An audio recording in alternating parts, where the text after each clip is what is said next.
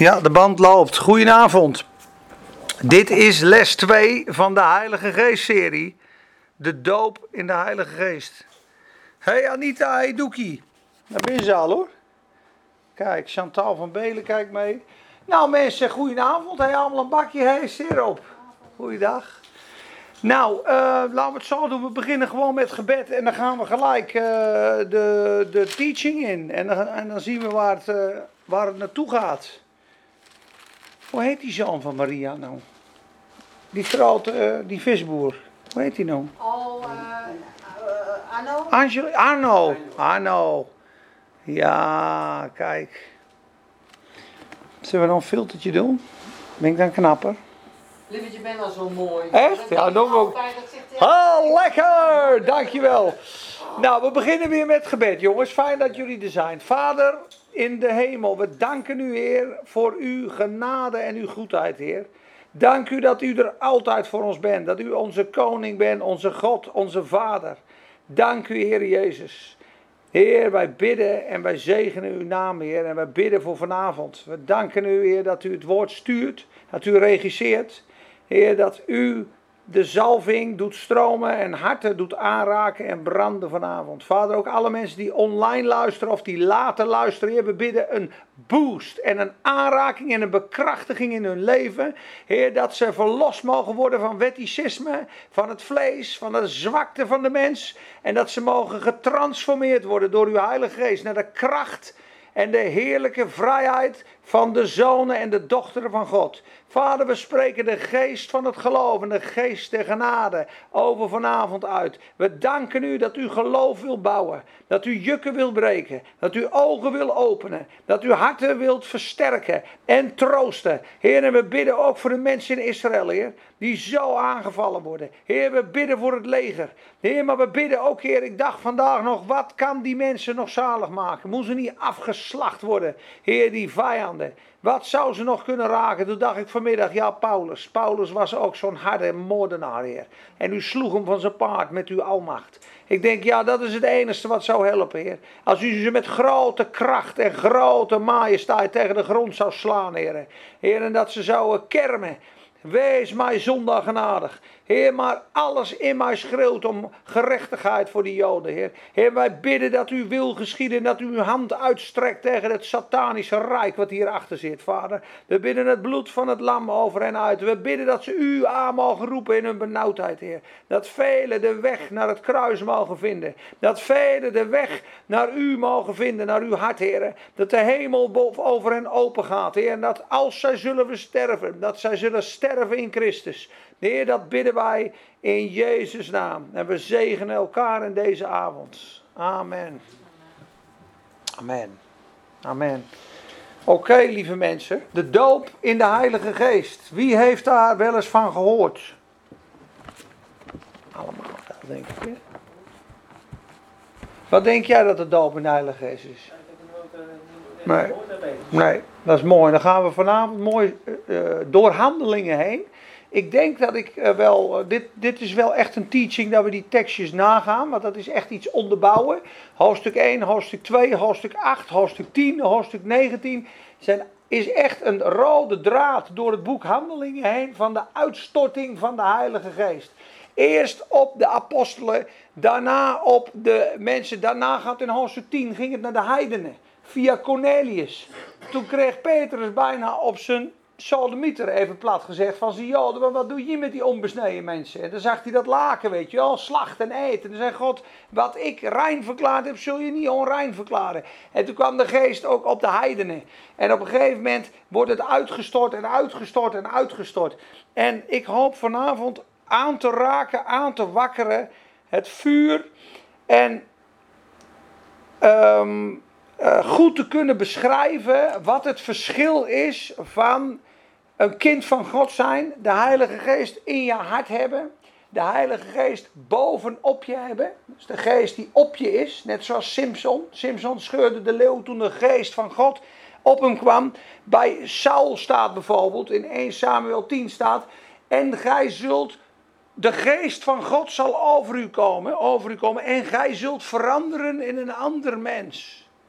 Dus God, onder de zalving, kunnen wij dingen doen die we nooit in eigen kracht kunnen doen. Dat is God.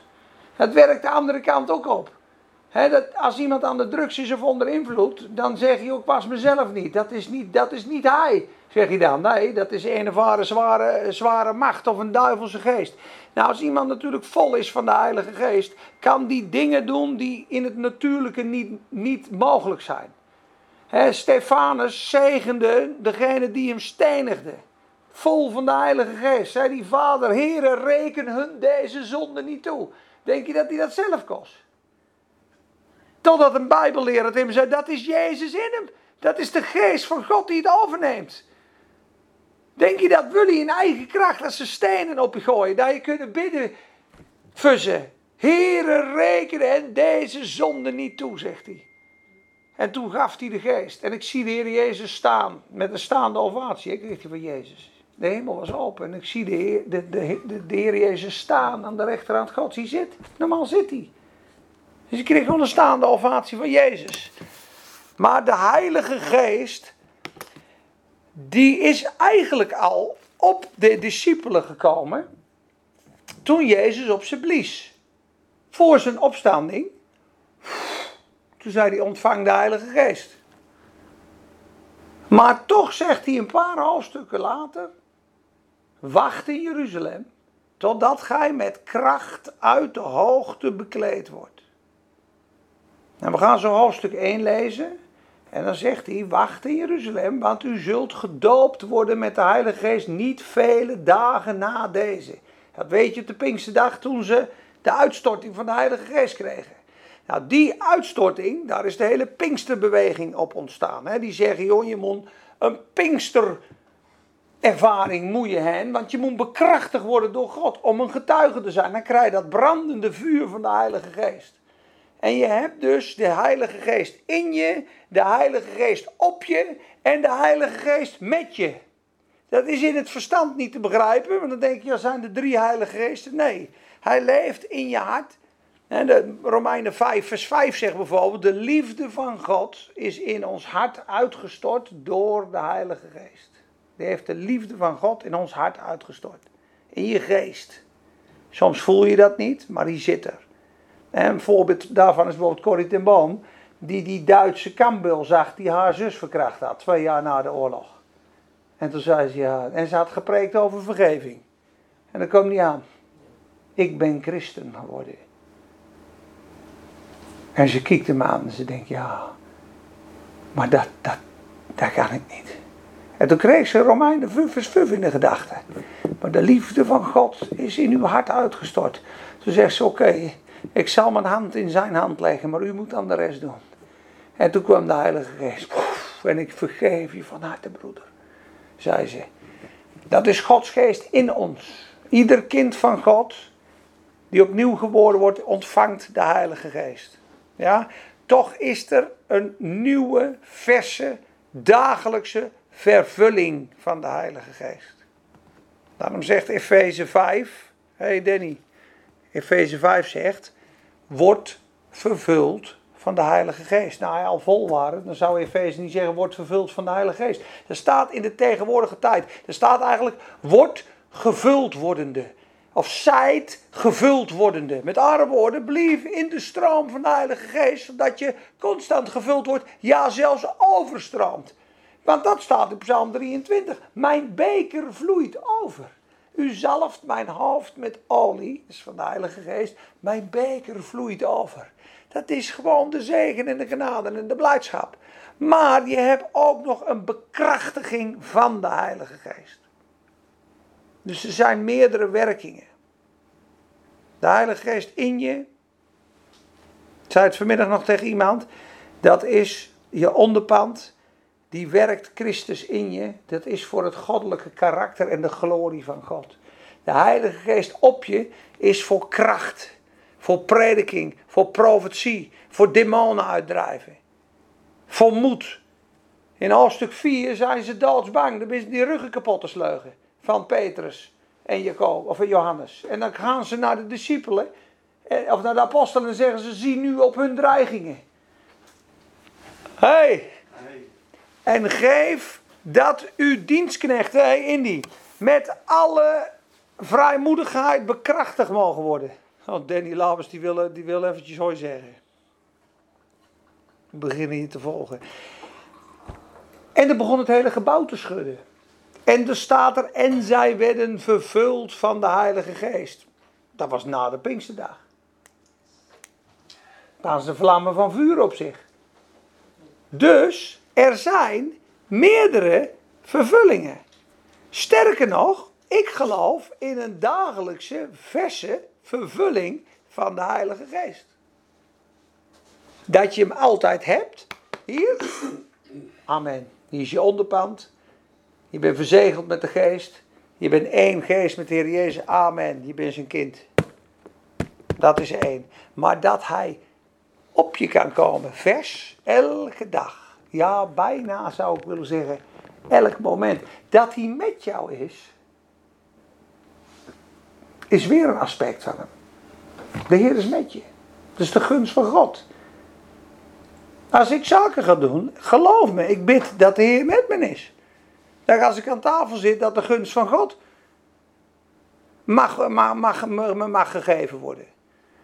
Dus wat ik probeer uit te leggen, is de kracht van de Heilige Geest. De doop van de Heilige Geest en de inwoning van de Heilige Geest. Maar vandaag, vanavond wil ik focussen dus op de doop in de Heilige Geest. En zo ook, Indy ook. Goed zo jongens, jullie zijn allemaal gewoon online. Fantastisch. Jean-Paul. Nou, allemaal mooi. Dus ik begin in hoofdstuk 1 van Handelingen. Waar wij vorige week begonnen toen Jezus door de Heilige Geest opdracht had gegeven aan de apostelen. Nu begin ik in vers 4. Hoofdstuk 1, vers 4. Handelingen. En toen hij met hen samen was, beval hij hun dat zij niet uit Jeruzalem weg zouden gaan, maar de belofte van de Vader zouden verwachten, die u, zei hij, van mij gehoord hebt. De belofte van de Vader. Want Johannes doopte wel met water, maar u zult met de Heilige Geest gedoopt worden. Gedoopt, ondergedompeld in de Heilige Geest. Baptismo is het woord. Eigenlijk staat er immersed. Je zal helemaal doordringd worden van Gods Geest. Niet lang na deze. Dat weten we, dat was tien dagen. Zij dan die samengekomen waren vroegen hem, Heere, zult u in deze tijd voor Israël het koninkrijk weer herstellen? En wilden ze weten. En toen zei de Heer, het komt u niet toe de tijden of gelegenheden te weten die de Vader in zijn eigen macht gesteld heeft. Maar u zult kracht ontvangen. Zie je kracht? De doop in de Heilige Geest heeft met power, met kracht te maken. Macht. Het woord hier is dynamisch. Komt van dynamiet. Dynamisch. Dus als je je leven, je christelijke leven dynamisch wil hebben, krachtig, fris, doorbrekend, met vrijmoedigheid, geen tamme, matte, matheid van ziel, waar Hebreeën voor waarschuwt. Broeders, zie toe dat niet een van jullie door matheid van ziel achterop geraakt. En een van de beloften van God mag missen. Dus dat, de, dat, de, dat de dagelijkse beslummeringen je, je, je krijgen. Wat denk jij geïntimideerd wordt? Of bedreigd wordt? Zie nu hun dreigingen. Ze worden gewoon helemaal tam, helemaal makkersleugen. Hè? Ik heb het wel eens bij mensen gezien die echt geïntimideerd zijn. Die kunnen niet meer helder en normaal nadenken. Dan ben je gewoon overmand. Maar als dan de kracht van God je aangrijpt. En die vervulling komt. Zij spraken het woord met vrijmoedigheid. En wat zegt Peters daarna? Zijn rug is kapot geslagen. En ze worden de volgende dag weer aan het preken. Moet ik naar jullie luisteren of naar God? Je had de maling aan. De Petrus die zo bang was bij het vuur. Die ken ik niet, joh. Bliksem, die ken ik niet. Tot driemaal toe, met vloeken en zweren, hè. Ik zweer het, ik ken hem niet, zei hij. En een paar grote knetters, hè. Maar uw spraak verraadt u. U bent ook van die Galileërs. Ik weet dat u een van hen bent. Nee, schreeuwde hij. Hij was zo bang als een wezel. Waarom? Hij had angst voor de dood. Hij dacht, ah, ik ga dood. En na de opstanding van Christus, toen die zucht, de Heer Jezus heeft de dood overwonnen. Toen stond hij op de Pinksterdag, stond hij vooraan. En als ik je laat lezen in Handelingen 3, vers 13 en 14, wat hij preekt, dan zeg hij, moet je een klap aan je hartje zijn, Petrus. Moest kijken wat hij zegt in Handelingen 3, vers 13 en 14. Petrus het de Heer Jezus verlogen, toch? Ja, tot drie maal toe. Moest kijken wat hij zegt in Handelingen 3.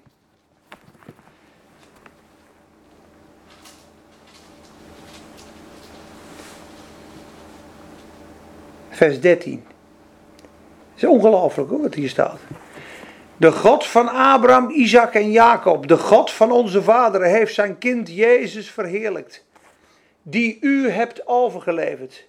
En u hebt hem verloochend voor Pilatus. Toen u oordeelde dat men hem zou loslaten. U echter hebt de heilige en de rechtvaardige veroordeeld. En gevraagd dat een moordenaar vergeving geschonken zou worden. Hoe durft hij dat te zeggen? Wil hij anders uit, dat moet je dan. Dat je hem staan te verloochenen wie dat, wie dat vuur. Maar Petrus had begrepen dat hij gestorven was met Christus en dat hij totaal een nieuw mens was. En hij is vervuld van de Heilige Geest in nieuwheid des levens. En die kan vanuit God, kan die ze aanspreken. Jullie hebben hem verlogen toen je bij Pilatus stond. Vrij van het oordeel. Vrij van zichzelf. Door de dood heen gegaan. Die bange, angstige Petrus stond als eerste op, vrijmoedig op de Pinksterdag. Omdat hij gedoopt was in de Heilige Geest. Vol kracht, vol dynamiek en vol vrijmoedigheid. Als een beuker overal dwars doorheen. Want toen de geest des Heren Simpson aangreep, verscheurde hij die Filistijnen. En de touwen als draadjes met vlas. Dat is een beeld van de zalving, de kracht van God. Die het onmogelijke in jou en mij kan bewerkstelligen. En de doop van de Heilige Geest doet nog veel meer. Dat gaan we lekker bestuderen vanavond. Handelingen 1, vers 5. Vers 6, of uh, vers 8, sorry. Maar u zult kracht van de Heilige Geest ontvangen. Die naam is power.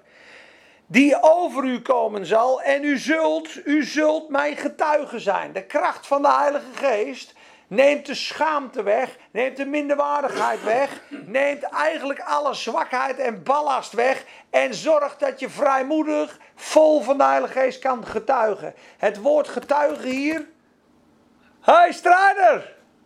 Goeiedag. Dat was later. Ik heb koffie nog hoor voor je als je wil. Leuk dat je er bent. Stop. Het woord getuigen hier al. Ik wil je niet bang maken. Maar het woord getuigen hier in het Grieks is martelaar. Martier staat hier.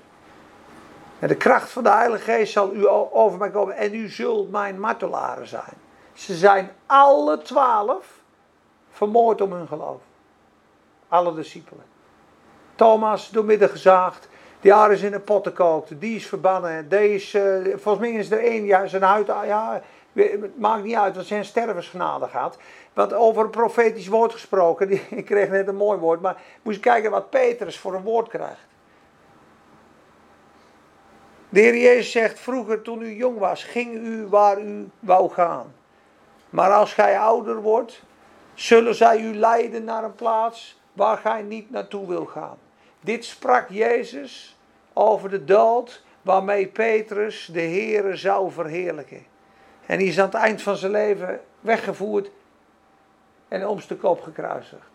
Petrus zei, crucifix maar op, op zijn kop. Want ik, ik weet waar ik naartoe ga in de heerlijkheid. En dat had hij van God al gezien. Want hij zegt in zijn brief, want ik weet dat het afleggen van mijn tabernakel aanstaande is. Zoals de Heere mij ook heeft laten zien. Ze had er maling aan. Vol van de Heilige Geest heb je maling aan de dood. Maling aan de vervolging. Maling aan de vertrapping. Je gaat er als een raket dwars doorheen. Vol van de Heilige Geest. Kijk maar naar Stefanus. Vol van de Heilige Geest. Ze gooien stenen op hem. Het raakte hem niet. Er zijn verhalen van Johannes Hus die eens op een brandstapel gegooid. Die, die, was gewoon aan het zingen op de brandstapel. Vol van de Heilige Geest. Je kunt, Hus betekent gans. En die profiteert, je kunt deze gans kun je maar er komt een eend. Of, nee, nou, je kunt, Johannes Hus betekent eend. Die zei, oh ja, dit zei hij. Je kunt deze eend kun je verbranden, maar er komt een gans terug die nog veel sterker is. En dat was Maarten Luther. Wat dat betekent in Humse taal, gans. Wat is er nou al? Die zei, dat is toch geweldig. Maarten Luther kwam na Johannes Hus. Die, is- die, is- die ben vermoord. Verketterd op de brandstapel. Nou, het is wonderlijk. Maar de kracht van de Heilige Geest, mensen, maakt je een getuige. Wat gebeurt er nog meer? Als de Heilige Geest uitgestort wordt. Gaan we naar Handelingen 2. Handelingen 2.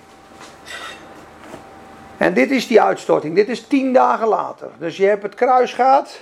Jezus is na zijn opstanding 40 dagen onder hen in en onder hen uitgegaan. Aan meer dan 500 mensen verschenen, zegt 1 Korinthe 15. Hij deed vele wonderen en tekenen en leerde hen over de dingen van het koninkrijk. Na zijn opstanding heeft hij ze nog onderwijs gegeven. 40 dagen lang.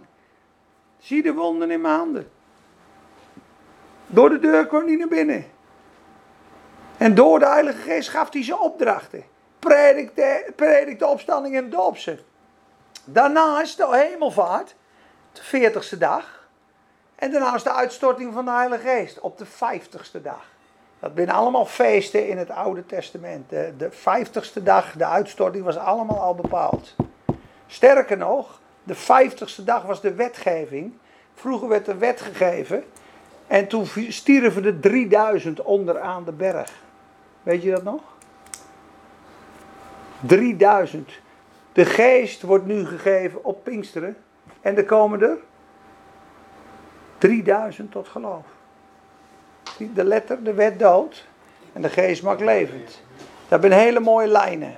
Dat zijn hele mooie lijnen. Maar hier zijn ze dus, na gebeden en gewacht te hebben, tien dagen lang. Ze waren bijeen. En toen de dag van het Pinksterfeest vervuld werd, waren ze alle eengezind bijeen. En plotseling kwam er uit de hemel een geluid van een geweldige windvlaag. En het hele huis waar zij zaten werd ge- gevuld. En er werden tongen als van vuur gezien die zich verdeelden. En het zat op een ieder van hen. En zij werden allen vervuld met de Heilige Geest. En begonnen te spreken in andere talen. Dat zie je veel terugkomen in het boek Handelingen. En ik had voor jullie allemaal het boekje van Tom de Wal mee willen nemen, gratis, tongentaal. Die kan je online bestellen. Tom de Wal, Frontrunners, heeft een boekje geschreven over tongentaal. Ik had ze gratis op willen halen, maar ik heb ze niet. Anders had je dat mee kunnen nemen. Want de Heilige Geest wordt vier keer uitgestort in het boek Handelingen. En drie keer gaat het gepaard met profeteren en andere talen, tongentaal. En omdat sommige mensen daar niet zo bekend mee zijn, dat ga ik niet forceren, maar dat is goed om daar onderwijs over te krijgen. Want Tom heeft zes jaar gewacht tot Gods geest hem zou vullen met tongentaal. Maar dat gebeurde nooit. Totdat iemand zei, jij moet zelf gaan spreken. Ja, je moet zelf gaan spreken, dat kan toch niet? Jij moet gaan spreken en God gaat je mond vullen. Ja, dat kan niet, zei hij. Nou ja, daar gaat dat boekje over. Dat hij op een gegeven moment bij een vriend komt en dan ontvangt hij het. Open je mond en ik zal hem vullen. En dat, de gebedstaal, deze broeder hier al, heeft hem wel eens ontvangen bij mij in de auto, weet je nog? Toen zei ik, bid je al in tongentaal? Toen zei hij, nee. Ik zei, ben je, wel, ben je gedoopt of niet? Nee. Volwassen gedoopt nog niet? Maar dat komt nog, dat ben je net als in de handelingen 8. Nee, handelingen 10. Dan krijgen ze eerst de dopende geest, dan bidden ze in tong en daarna worden ze gedoopt in water. Dat is bijzonder. Maar in ieder geval, hij begon zo in tongentaal te bidden naast me na vijf minuten. Ik, sta er, ik denk, nou, dat is toch wel heel bijzonder. Kun je het nog? Zeker, ja. ja. Ja. ja. En tongentaal, even daar een korte uitleg over. Ik had vanmiddag nog met iemand over. Als je dat niet gewend bent in de traditionele kerk, is dat een hele grote stap, een hele grote mijlpaal. Ik heb tongentaal ontvangen in Amerika. Toen iemand voor mij bad met grote kracht en vuur. Sterker nog, ik zat in het publiek. Ik was eh, op zoek naar zo'n vervulling. Ik zat er al drie dagen en het was allemaal niet gebeurd. Ik was al half depri. eh, zie je, God ziet mij niet. Ik ben helemaal uit Nederland met een vliegtuig gekomen hier al. Ik dacht dat het allemaal zo heftig was hier. Nou, wat hebben we weer meegemaakt hoor. Wat een uitstorting hebben we weer gehad. En toen zei iemand, you'll get your touch this week. Nee, niet, niet, niet zo bang wezen. En op een gegeven moment was hij aan het preken, die man. En er kwam echt kracht en lading en atmosfeer in die zaal. Dat voelde je gewoon, dat weer gevuld. En op een gegeven moment zei hij, als God het niet door de Amerikanen heen gaat doen, dan doet hij het wel door de buitenlanders heen. En ik zie dat het vuur van God gaat vallen op buitenlanders, mensen die niet uit Amerika komen. En op een gegeven moment, ik wie warm op die stoel en mijn hankie, die begint op een gegeven moment zo te schudden. Ik denk, ja, wat krijgen we nou nou meer, joh, weet je wel. En toen dat hankie, dus ik zet een beetje zo. En je had natuurlijk je twijfels daar. Ja, is dat wel van God? Is dat niet van de duivel? Want hè, de, de evangelische hadden gezegd, ja, dat is, dat is van de duivel. Dus ik het echt oprecht, heren, als dit dan van u zou zijn, verdubbel het dan nu. Echt waar, het is echt gebeurd dit. Ik zal, ik zal, het zal een publiekzaal. Ik denk, oké. En vier warmer. En op een gegeven moment stopt hij. Bring me that man, zei hij. Ik, de, ik de, de, de haalt. En die staat echt anderhalve meter bij me vandaan. En die zegt, vult. Met, zo'n, met een veeg. En ik kreeg gewoon... Gewoon zo'n krachtveld van genade, zou ik maar zeggen. En ik bom, ik klap op de grond. Ik kom gewoon een centimeter of twee los. Ik heb zeker anderhalf minuut. Een energieveld, een, een elektriciteit. En bam. Ik wie keihard aangeraakt door het vuur van God. Zo was het dat mijn sokken van het trillen waren uit. En mijn fietssleutel had ik in een linnen broekje. Die lag een meter verderop. Toen leep hij nog weg. Want die vroeg, where you from? I'm from Holland. En toen leep hij nog weg. Toen zei hij, must be the Flying Dutchman. En toen leep hij deur. Ik zou zeggen, mijn handschrift was na die aanraking anders. En mijn geldgeilheid was weg. Ik was heel erg met die beurs bezig, met geld. En dat was, ik, dat was ik kwijt. En vanaf dat moment begon ik te stamelen. Op die grond. Totdat ik later in Jezaja 28 las. Een stamelende lip en een belachelijke tong zal hij spreken tot dit volk. Dat is de tekst die Paulus aanhaalt voor tongentaal in 1 Korinthe 14. In 1 Korinthe 14 haalt hij Jezaja 28 aan. Dan zegt hij, want ik zal spreken met belachelijke lippen tot dit volk. Het gaat over tongentaal. Een stamelende lip. Als je dat dan gaat bestuderen op een gegeven moment, handelingen 2, 1 Korinthe 14, dan krijg je tongentaal is een hogere vorm van gebedstaal als je natuurlijke taal op is. Dat zei iemand, Peter, het is niet zo moeilijk. Want als je zegt grote God, lieve God, geweldige God, machtige God. Op een gegeven moment ben je woorden op. En dan stopt ons gebed vaak. Ja, maar er is een diepere laag dat je in de taal van engelen, dat God het over gaat nemen. En dan begin je Ros,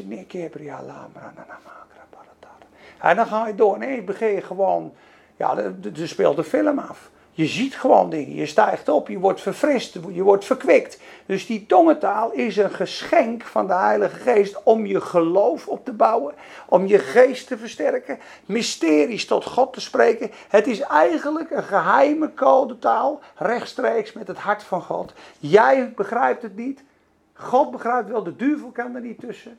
En je bidt zelfs dingen waarvan je helemaal niet wilt dat je ze bidt.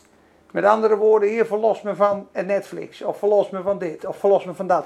Of je bidt dingen die daarna geopenbaard worden. Dus tongentaal gaat heel veel gepaard met de uitstorting van de Heilige Geest. Daar is heel weinig onderwijs over, omdat het zo'n gevoelig kriegelonderwerp is. En er zijn hele harde, charismatische mensen geweest die zeggen: ja, je niet in tongen bidden, dan hij de Heilige Geest niet. Dat is heel veroordelend. En er zijn evangelische geweest die zeggen, doe het alles van de duivel. Dat is de andere kant. Dat is natuurlijk ook verschrikkelijk. Maar het is, volk gaat, gebrek, gaat onder door gebrek aan kennis. Zodra jij tongentaal gaat bestuderen en zelf aan de Heer vraagt: Heer, vul mij met uw geest. Toen zei iemand: iedereen heeft de bron, dat is de geest. Maar er zijn ook mensen die hebben het kraantje opgezet en dan wordt het een rivier. Stromen van levend water. En je kan dus door de Heilige Geest op een hoger niveau met God bidden. Sterker nog, soms weet ik totaal niet wat ik moet bidden. Ook niet voor Israël. Dat zegt de Bijbel ook. Wij weten niet wat wij bidden zullen naar behoren. Maar de geest zelf komt ons te hulp met onuitsprekelijke verzuchtingen. Denk je dat ik weet hoe ik voor Israël moet bidden? Sla ze allemaal dood die helhonden. Moet ik dat bidden? Of moet ik bidden, Heer, vergeef ze, want ze weten niet wat ze doen? Ik weet het niet. Vader, vergeef het hun, want ze weten niet wat ze doen. Heer, stot uw toorn uit op hen, want zij raken uw volk aan. Dat staat allemaal in de Bijbel. Dus wat doe ik dan? Heer, ik bid gewoon in de geest. En dan ga ik gewoon een kwartier door. En daarna voel ik gewoon, het is een, ik voel een release, ik voel een verkwikking, ik voel een blijdschap. Je geloof groeit. En als ik daarna mijn eigen in de spiegel aankijk, denk je, je, bent er, je zit er de goed in, maat. Ja, zulke doppen in je hoofd. Lekker helder, lekker fit ben. Wat dan? Je geest, die hart gaat open. Ga maar eens in tongen bidden en daarna de Bijbel lezen. Ik zou je zeggen, de letters spatten van de Bijbel af. Die denken gewoon, oh, dat ik dan nooit lezen. Oh, dat.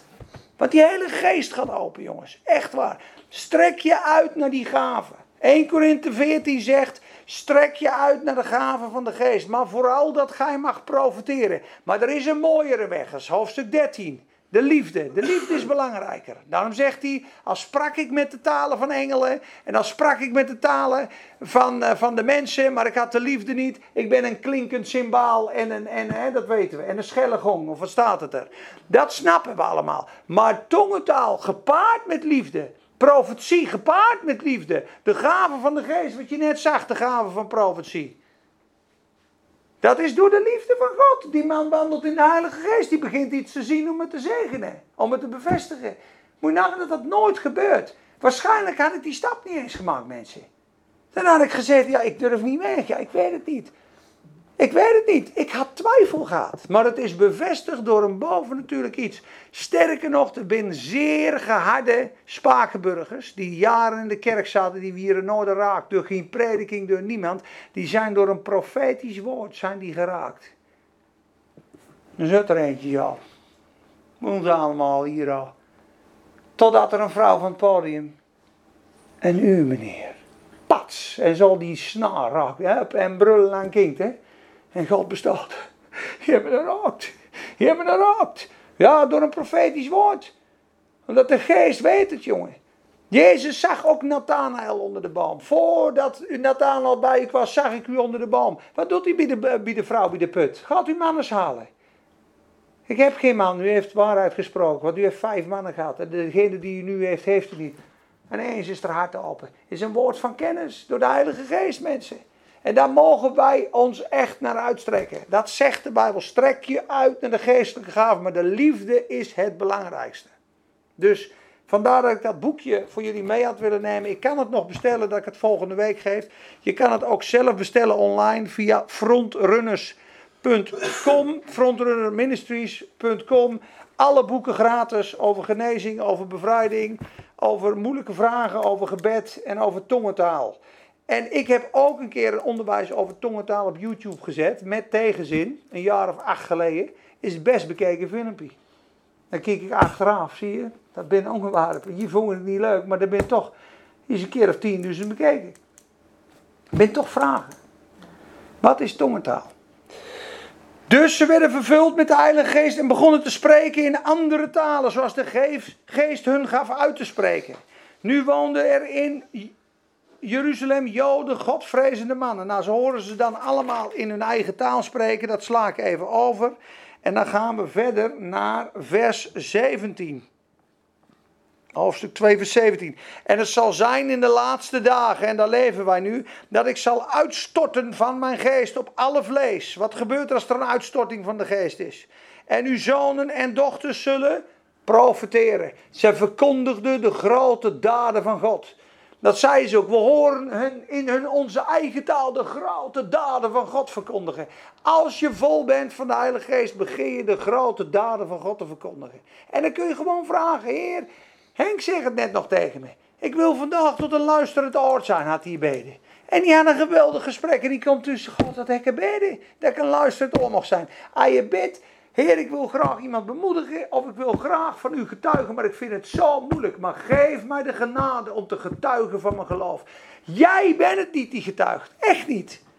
Dan sta je in de supermarkt en ineens komt er uit je geest een verhaal. Dat ik, dat ik al 13 jaar niet zei. Hoe kan dat? En je bemoedigen iemand door de Heilige Geest. Dat is wandelen in geloof.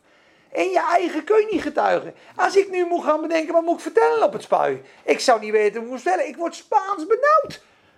Maar als je er gaat staan in geloof, zeg Heer, hier ben ik. Gebruik mij om te getuigen van uw grote daden door uw Heilige Geest. Hij doet het. Niet door macht, niet door kracht, maar door mijn geest, zegt de Heer. Vers 17. Uw zonen en dochteren zullen profiteren. Uw jonge mannen, uw kinderen zullen visioenen zien. En uw ouderen zullen dromen dromen. En ook op mijn dienaren en dienaressen zal ik in die dagen uitstorten van mijn geest. En zij zullen profiteren.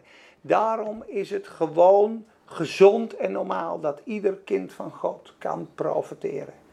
Woorden van God spreken. Echt waar mensen, strek je daar naar uit. Woorden van God spreken. Dan is het een psalm, dan is het een woord. Strek je daar naar uit. Dat je kan profiteren, dat je kan getuigen, dat je kan staan voor God. Ja, ik ga het. Ja, we gaan lekker hoofdstuk 10 lezen van Cornelius. Nee, zullen we eerst naar hoofdstuk 8 even? Ja, hoofdstuk 8. Hoofdstuk 8. Daar zie je die kracht waar ik jou over vertel in Amerika, die zo aangevallen wordt. Want wat ik gemerkt heb door de jaren heen, en wat ze ook in Amerika altijd zeiden, zodra jij preekt, vindt de duivel nog niet eens zo erg. Religie ook niet. Die hebben nog niet zoveel problemen met prediking, want dat snappen ze allemaal wel.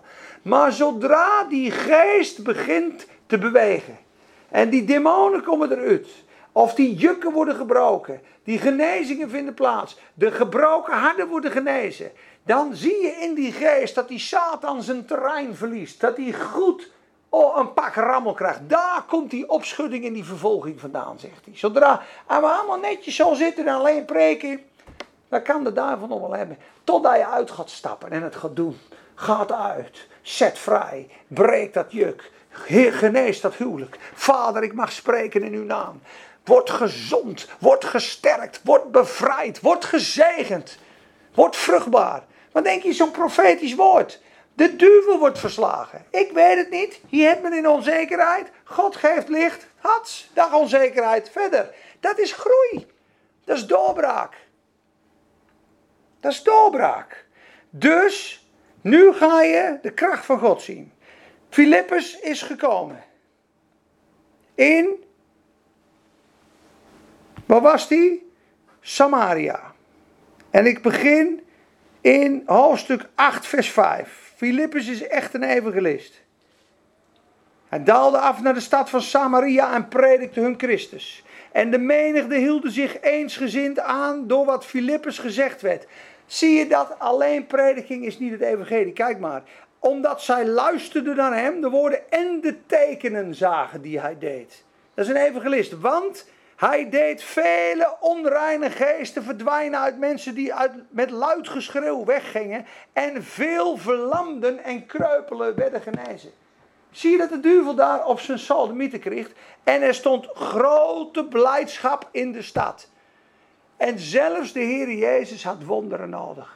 Je kan wel zeggen, wonderen ben niet voor vandaag, wonderen is van de duivel. Als Jezus in al zijn volheid en liefde en karakter het met woorden alleen had kunnen doen, had hij dat gedaan. En dan zeggen ze, nee, dat was alleen maar om het koninkrijk te laten zien. Nee, nee, nee. Paulus had wonderen. Petrus had wonderen. Stefanus had wonderen. Toen was Jezus al lang weg. Mozes had wonderen om, ze uit het volk, om het volk uit Egypte te rijden. Gideon. Elke bladzijde van de Bijbel staat vol met wonderen. Het is één grote bovennatuurlijke wonder. Wonderkracht. Onze God. Hoe kunnen we ooit zeggen dat wonderen voorbij zijn? Dat dat alleen voor toen was? Ik snap het gewoon niet.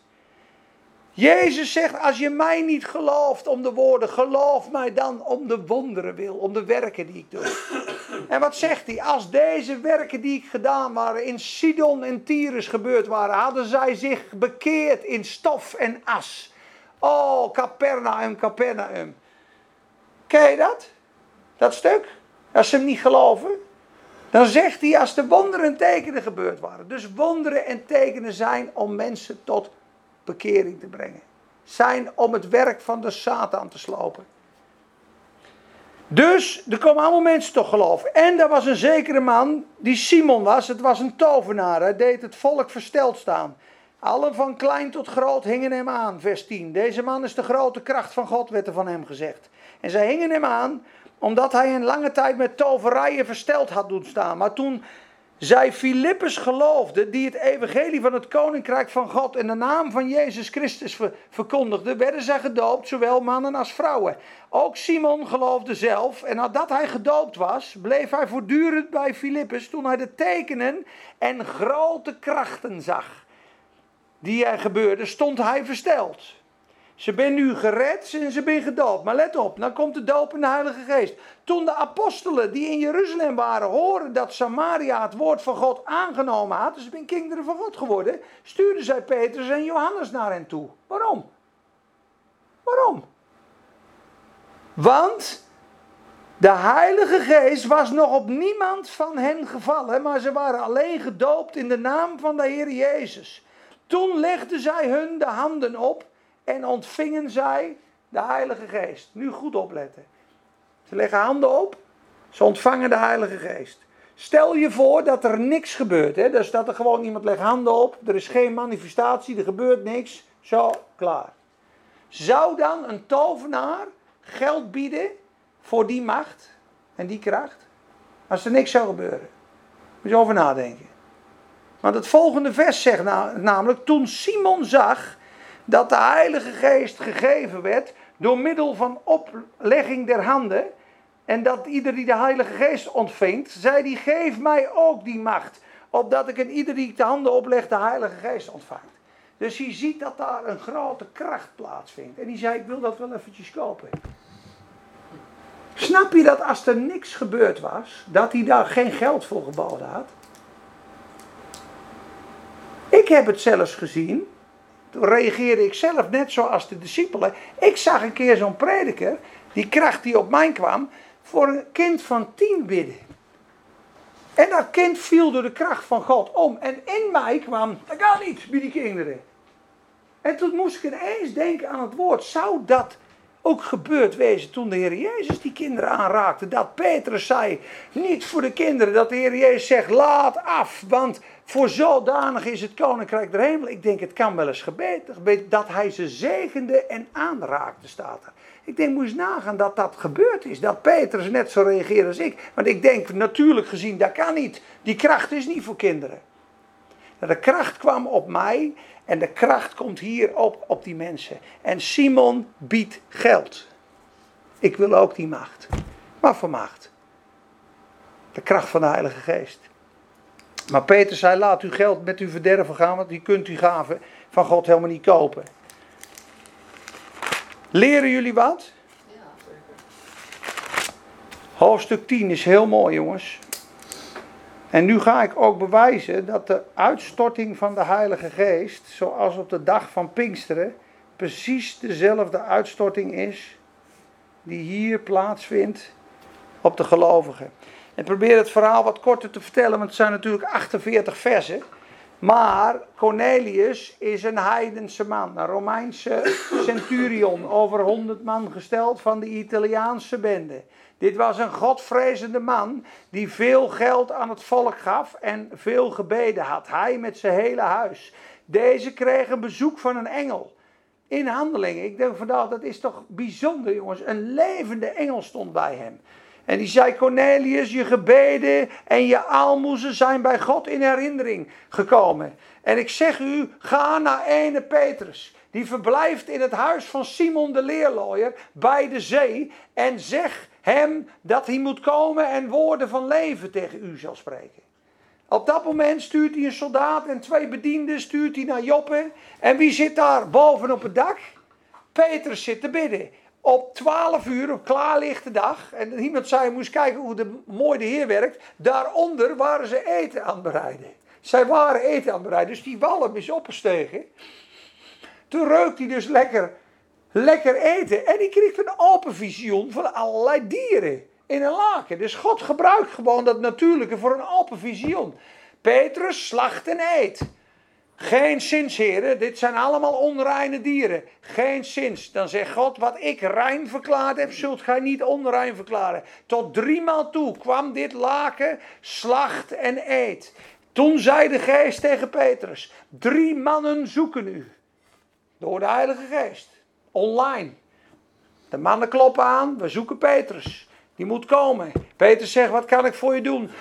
Wij, wij zijn bedienden van Cornelius. Cornelius heeft een aantal dagen geleden een engel gezien. En wij moesten je halen, opdat je woorden van leven zou spreken.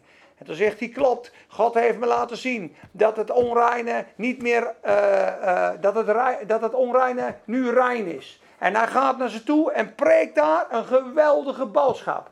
En daar beginnen we nu. En hier is eigenlijk het hele evangelie in al zijn kracht mooi samengevat. Door Petrus. In vers 34 begint hij. Het is een schitterende preek. En in de tussentijd heeft Cornelius zijn vrienden uitgenodigd. En zijn kameraden. En die zit daar in dat huis te wachten. En die valt zelfs neer voor Petrus, half aanbiddend. En Petrus zegt, doe eens normaal joh. Ik ben ook een man, net als jij. En vers 34 zegt Petrus, ik zie nu in de waarheid dat God niet iemand om de persoon aanneemt. Maar in ieder volk is degene die hem vreest en gerechtigheid doet hem welgevallig. Dit is het woord dat hij gezonden heeft tot de Israëlieten, waardoor hij vrede verkondigt door Jezus Christus. Deze is de Heere van allen. U weet wat er gebeurd is in heel Judea en wat in Galilea na de doop van Johannes gebeurd is toen hij die doop heeft gepredikt. Hoe God Jezus van Nazareth gezalfd heeft met de Heilige Geest en met kracht. En hoe hij het land doorgegaan is terwijl hij goed deed. En allen die door de duivel overweldigd waren genas. Want God was met hem. En wij zijn getuigen van alles wat hij gedaan heeft. Zowel in het Joodse land als in Jeruzalem. Ze hebben hem gedood en hem aan een hout gehangen. Deze heeft God opgewekt ten derde dagen. Dat is de evangelie mooi. Hè? En hij heeft gegeven dat hij zou verschijnen aan ons. Niet aan heel het volk, maar ook aan de getuigen die door God tevoren verkozen waren. Namelijk wij. Wij hebben met hem gegeten en gedronken toen hij uit de doden opgestaan was. Dus ze hebben hem letterlijk ontmoet na de opstanding. Hij heeft ons bevolen tot het volk te prediken en te getuigen dat hij degene is die door God is aangesteld als rechter over de levenden en de doden. Dus de kracht van Jezus komt voorbij, de, de opstanding van Jezus komt voorbij, maar ook het oordeel. Hij is ook een rechter over zonde, over de wereld. En dan komt de mooie genade. Van hem getuigen al de profeten dat ieder die in hem gelooft vergeving van zonde zal ontvangen. Toen Petrus deze woorden nog sprak, moest kijken. Terwijl Petrus deze woorden nog sprak, viel de Heilige Geest op allen die het woord hoorden. Dat gebeurt daar. En dit woord viel is een prachtig woord, lieve mensen. Ontroerend mooi. Ik heb dit een keer in het Grieks opgezocht. Dit woord viel in hoofdstuk 44 is met, met ontferming omhelzen. To embrace with affection betekent het woord. Dus de Heilige Geest omhelsde met grote affectie de mensen die aan het luisteren waren. En Petrus zegt: Kan iemand nu het water nog weren, zodat deze mensen die evenals wij de Heilige Geest ontvangen hebben, niet gedoopt zouden worden? En hij gaf, moest nagaan hoe zwaar dit is, want als hij dit vandaag de dag in Nederland doet, dan word je misschien wel doodgeknuppeld. Hij gaf bevel dat ze gedoopt zouden worden. Geen optie, geen verhaal, geen gemekker, geen doopcursus. Ik ben een apostel van God. Ik beveel dat deze mensen gedoopt worden. Dat is heftig. Dat deed hij als apostel. Waarom? Omdat hij het van de Heer Jezus hoort had. Gaat heen, maak de volken tot mijn discipelen en doopt hen. Het is gewoon een opdracht van de apostelen. Er is helemaal geen discussie. Ze hebben de Heilige Geest, je bent toch geloof gekomen. Ik beveel dat ze nu gedoopt worden. Punt. Ja, maar eh, dit, nee, niks. Dat is vandaag de dag, kan je dit niet meer doen. Maar dit, was, dit, dit is Petrus, jongens. Het is gewoon een bevel van God. En nu moet je kijken. Dan krijgt hij een beetje op zijn sodomieten van zijn vrienden. Dan zeggen ze, joh, je bent nu naar de heidenen gegaan. Dat had niet gekund. Kijk eens zo'n mooi bewijs in hoofdstuk 11, vers 15. Daar zegt Petrus, toen ik begon te spreken, viel de Heilige Geest op, he- op hen, evenals op ons in het begin. Dus hij zegt hier wat op de Pinksterdag gebeurde, toen wij de Heilige Geest ving- ontvingen, dat gebeurde ook met de heidenen. En toen zeiden ze, nou dan heeft God de belofte van het leven ook aan de heidenen gegeven. En dan gaan ze ineens gaan ze overstag en zeggen ze, nou dan, dan, dan is de moeder. Want de heidenen hoorden er dan ook bij. Dus Cornelius, die vastende en biddende was, is de sleutel geweest. Dat het alleen voor de, voor de kinderen van Israël was, is het voor al de heidenen geworden. Dat is een heel bijzonder iets, jongens. Zeg Peter, mag ik even wat vragen? Zeker. Eh, Handelingen 10 vers 45. Mhm. En de gelovigen die van de besnijdenis waren. Zoveel als ze met Petrus waren meegekomen, waren buiten zichzelf. Dat de gave van de Heilige Geest ook op de heiden uitgestort werd. Wat wordt hier bedo- bedoeld met die besnijdenis van, waren dat de Joden? Ja. En de gelovigen die van de besnijdenis waren, dat zijn de Joden inderdaad. Zoveel als ze met Petrus waren meegekomen, waren buiten zichzelf. Dus voor die Joden was het in die tijd gewoon ondenkbaar. Want het hele Joodse volk was door God uitgekozen als het enigste volk van God. Daarom zei Jezus ook aan het begin, en ik snap dat ook niet. Ik zend u alleen naar de verloren schapen van het huis Israëls. Dus het plan van God met de Joden stond vast.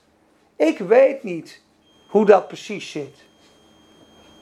Maar ik weet wel dat deze Joden bijna van hun stoel vielen, buiten zichzelf waren, dat de gave van de Heilige Geest ook op de heidenen uitgestort werd. Dit is ondenkbaar voor een Jood, want die, dat waren varkens en heidenvolken, daar had God niks mee. Filistijnen en heidenen. Maar als je de Bijbel leest in hoofdstuk Romeinen, hoofdstuk 9, 10 en 11, dan heeft God een wonderlijk iets gedaan. En daar staat eigenlijk, door de val van Israël is het evangelie naar de heidenen gegaan. Om hen tot jaloersheid te verwekken. Want zij hebben het gezocht, maar niet uit het geloof. Daarom zegt Hosea, ik zal gevonden worden van hen die mij niet zochten. Dat ben jullie. En dan zegt hij daarna, als de val van Israël de redding van de wereld betekent, wat zal dan hun wederopstanding zijn? Want ze zijn geroepen met een volk. Daarom zegt openbaring ook dat het volk Israël straks 12.000 uit elke stam gaat het originele plan van God weer vervullen in die eindtijd. Want die gaat met Israël, dat is zijn oogappel. Wij zijn uit Israël zalig geworden. Daarom zegt hij in, in hoofdstuk 11, zijt niet hooggevoelende heidenen, want door hun ben je ingeënt. Omdat hun ongehoorzaam aan God te wezen ben, is God om hun tot jaloersheid te verwekken, heeft hij jullie gered. Dat zijn diepe dingen. Ik heb daar niet de beste antwoorden op, jongens. Dat zijn echt hele diepe dingen. Dat zegt Paulus ook in Efeze. Dat dit geheimen is wat in eeuwen verborgen is geweest. Dat ook de heiden mede deelgenoot zijn aan de belofte in Christus. Wij beseffen dus niet hoe rijk en hoe groot het feit is dat wij erfgenamen van God geworden zijn. Dat we kinderen van God geworden zijn. Ik besef het niet. Vanmiddag zei iemand het nog, Peet. Het is niet te bevatten dat ik een grote vijand van God, die het niet verdient, nu als zoon van God aanvaard ben. Het is allemaal zo klakkeloos en vanzelfsprekend en normaal vandaag de dag. Ja, je bent een kind van God, het is allemaal vergeven. Maar als je werkelijk beseft hoe verloren en hoe vijandig we waren en hoe rijk die erfenis is die we in God gekregen hebben voor de heidenen, dat is een ondenkbaar iets voor die Joden. Dat kan gewoon niet waar joh. Dat is alleen voor Abraham. Dat is alleen voor aan, aan kinderen. Het hele Oude Testament is aan de Joden geschreven. Er is geen één heidenvolk aan te pas gekomen. We zullen het in de eeuwigheid zien of we zullen het een keer in de geest zien. Maar deze jongen zal eerlijk toegeven dat ik het niet begreep. En dat het bij mij waarschijnlijk nog veel en veel dieper in mijn binnenste mag landen. Maar het feit dat Johannes zegt, zie welk een soort liefde God ons gegeven heeft, dat wij kinderen van God genaamd zouden worden. Daar doet hij weer die geweldige, uh, ja hoe, zeg, hoe moet ik het zeggen, buitensporige uh, statement maakt. hij. Zie hoe onbegrijpelijk groot die liefde van God is, dat wij vijanden kinderen van God geworden zijn.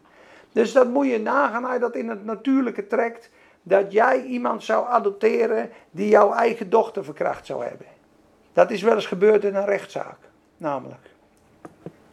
Ja, er was een man en die keek de moordenaar van zijn eigen dochter aan. Van zijn eigen zoon. Dat was in een schietpartij gebeurd. Ja. En toen zei hij, brullend tegen die vent: Ik heb geen zoon meer. Wil jij nu mijn zoon zijn? Ja, en die knakte, hè, die crimineel. En die is te worden, hè. Want ik zie dat je nooit een vader gehad hebt. En die zucht die, die gebrek aan liefde. En die zei, maar ik heb geen zoon meer. Ik wil dat jij mijn zoon wordt. Jongen, het is onbegrijpelijk, jongen, wat er gebeurde in die rechtszaak. Iedereen was met stomheid geslagen. Dit kan niet. Dit kan niet. Alles in je schreeuwt, dit kan niet. Dit kan niet. Ja, die verpulverende genade die dwars door alles heen gaat, die liefde van God. Ik kan het niet beschrijven, jongens. De Heer moet het jezelf laten zien door de Heilige Geest. Maar het is een onbeschrijfelijk groot wonder dat wij kinderen van God genaamd zouden worden. Echt. En dat is, dat is wat hier staat. Ze waren buiten zichzelf. Dat de gave naar de varkens ging. Bij wijze van spreken. Want het waren onreine volken. Mozes mocht ook niet trouwen met een, met, met een vrouw. Simpson mocht niet trouwen met de heidenen. Dan moest je vandaan blijven. Dat werd waarschuwd in de Bijbel vroeger. Laat u niet in met die andere volken, want dan zal u zeker onder de vervloeking en u zullen hun goden dienen. Blijf verre van hen. U zijt een heilig, apart gezet volk voor God. Dat is een jarenlange leert, die Joden. Maar wat God reinigt, wat God gereinigd heeft, zult gij niet onrein verklaren. Dat zei God tegen Petrus. Alle mensen mogen de horen. Alle mensen. Daarom verklaarde God ook die uitstorting van die Heilige Geest op Pinksterdag in alle talen. In alle talen. Dat sprak een keer een oude prediker van 93. Toen vroeg een showmaakster dat aan hem. Waarom was dat toen in al die talen? En toen zei hij, omdat God van al die mensen houdt in al die talen. Daarom stortte hij zijn geest uit. Omdat hij ze allemaal wil zegenen. Dat is een mooi antwoord.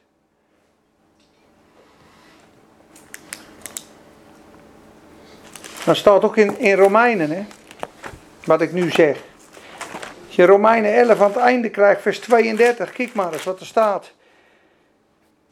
Want de genade gaven, even kijken hoor, en zo zal heel Israël zalig worden. De verlossers uit Sion komen. En dit is het verbond van mij met hen, de Joden, wanneer ik hun zonde zal wegnemen. Zij zijn weliswaar wat het evangelie betreft vijanden vanwege u.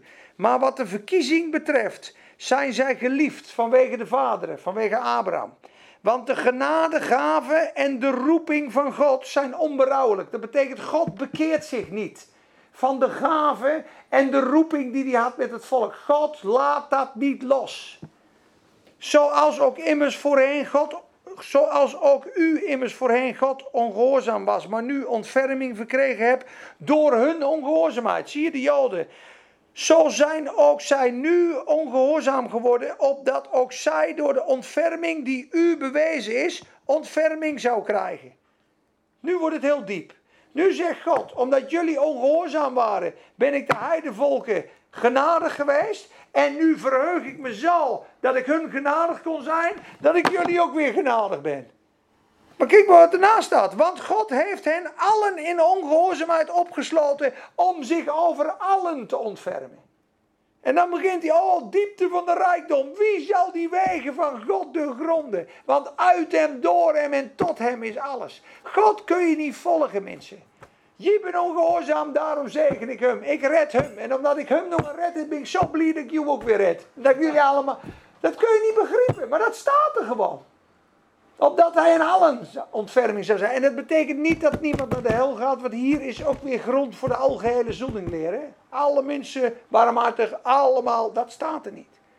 Dan moet je goed hoofdstuk 9 lezen, want er is een overblijfsel en er is echt, hoe erg het ook is mensen, er is een hele grote groep mensen in openbaring die echt verloren gaan. Niet iedereen is gered. Vraag het maar niet hoe dat zit. Maar zijn barmhartigheid is over ieder die gelooft. Maar er zijn echt mensen die verloren zijn. En een daarvan is koning Agrippa. Zo zeker als wat. En Herodes. In zijn blinkende geweld. Als het had er in de Bijbel wel de asbier staan, jongens hoor. Kijk, en in het einde der tijden, dan heeft iedereen vergeving aangeboden gekregen. En de toren van het lam ontbrandt. Dan is de hemel stil. En vroeger bad iedereen, Stefanus bad, Vader, reken hun deze zonde niet toe. Maar wat bidden de, de, de, de zielen onder het altaar in hoofdstuk 6 van openbaring? Weet je wat die bidden? Daarom zeg ik, je hebt wijsheid nodig om te bidden. Weet je ze bidden in de hemel? Hoe lang nog, heren, voordat u wraak gaat nemen op ons bloed? Dat is een aardig titel, Harold. Jezus leert toch zegend wie vervloekt, bid voor uw vijanden. Stefanus zegt toch, reken hun deze zonde niet toe. De altaren onder, het, onder de troon, onder het altaar, de zielen onder het altaar in openbaring, is in het einde de tijd, in de grote verdrukking. Als God zijn genadetijd over is en het koninkrijk van gerechtigheid is gekomen, ben ze onthoofd. En zitten ze onder de troon. Heren, hoe lang nog? Voordat u ons bloed gaat wreken op de aarde. Heren, hoe lang nog? Hoe lang nog? Ze bidden om gerechtigheid. Niet meer om genade. En dan zegt hij, totdat het getal vol is van uw broeders, die ook onthoofd zijn, dan is het getal vol. En dan begint God met zijn oordeel over de aarde. En lees maar hoeveel er gaan. Een derde van de mensheid in die tijd. En ze staan op tegen God. En het is het toren van het lam. Waarom? Omdat hij voor ze gestorven is. Hij is voor ze gekruisigd. Hij heeft ze aangeboden zijn verlossing. Niemand kon de zegels openen. Dan het lam dat voor hen geslacht was. Die was gerechtvaardigd om hen te oordelen. Ik ben er sterven. Ik heb mijn bloed uit te goten. Nog heb je niet gewild. Nog ben je gebleven in de zonde, in de zonde, in de zonde. En nu draait mijn barmhartigheid om. In een rechtvaardige toorn. En ben je mijn vijand. En nu kom ik aan mijn heerlijkheid als God in het vernietigen van mijn vijanden.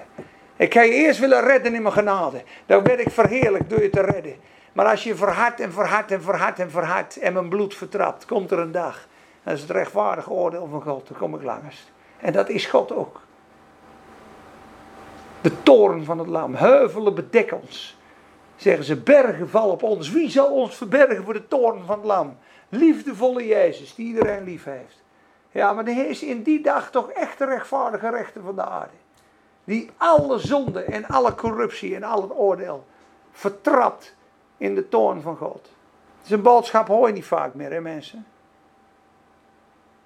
Hoe lang nog voordat u ons bloed zult wrijken op de aarde? Apart hè? Als ze dat bidden. Daarom kun ik zien dat je in een eindtijd leeft. Hè? Amen jongens. Ik denk dat wel goed is zo, hè? Ja. Handelingen 19 is ook nog een uitstorting, maar die mag je thuis lezen. Strek je uit, lieve mensen, naar de Heilige Geest. We gaan negen lessen doen. We gaan nog veel meer bespreken. Ook hoofdstuk 14, 15 en 16 van Johannes. We gaan tongentaal misschien een keer bespreken. De kracht, de zalving, de gaven de troost van de Heilige Geest, de geest van het geloof. De Heilige Geest is de geest van het nieuwe verbond. Sterker nog, het nieuwe verbond begint op de dag van Pinksteren. Dat is het Nieuwe Testament. Christus in u. Dat is een hele mooie les. Vroeger was de geest op koningen, op priesters, op profeten en op richters. Alleen op die vier. Die werden gezalfd van bovenop. Simpson verscheurde die. De, de, de priester begon te profiteren op koningen die gezalfd werden. Je weet, eh, David werd gezalfd als koning, maar het gewone volk kon nooit met God communiceren. Via de hoge priester moesten ze wachten in de dag van Yom Kippur. En zij hebben uitgezien naar de dag dat de Heilige Geest die op hen en in hen was, dat die op ons zou komen. Wij hebben Christus Jezus in ons. We zijn bevoorrecht. En de dag dat Pinksteren begint, dat die geest uitgestort wordt en binnenin ons kan wonen, is de dag van het nieuwe verbond. Daarom is het nieuwe verbond ook de bediening van de geest. Daarom zegt Romeinen 7 ook, wij dienen niet meer in de oudheid van de letter, van het gebod, maar in de nieuwheid van de geest. Als we geleid worden door de geest, vervullen we niet de werken van het vlees. Want de geest en het vlees staan tegenover elkaar. Het enige waar wij ons druk over moeten maken is: zijn we open en vervuld van de Heilige Geest? Hebben we honger naar, de Heer? Heer, vul mij. Mijn oortje zei het vroeger al: ah, maar bidden om de Heilige Geest. Dat moet je doen. Ah, maar bidden om de Heilige Geest. Geest, vul me, geest, leid me, geest, sterk me, geest, troost me. Hij is de trooster. En hij is in u en hij is met u en hij is op u tot in eeuwigheid. Amen. Peter, voor jaren terug waren wij bij de oplossing.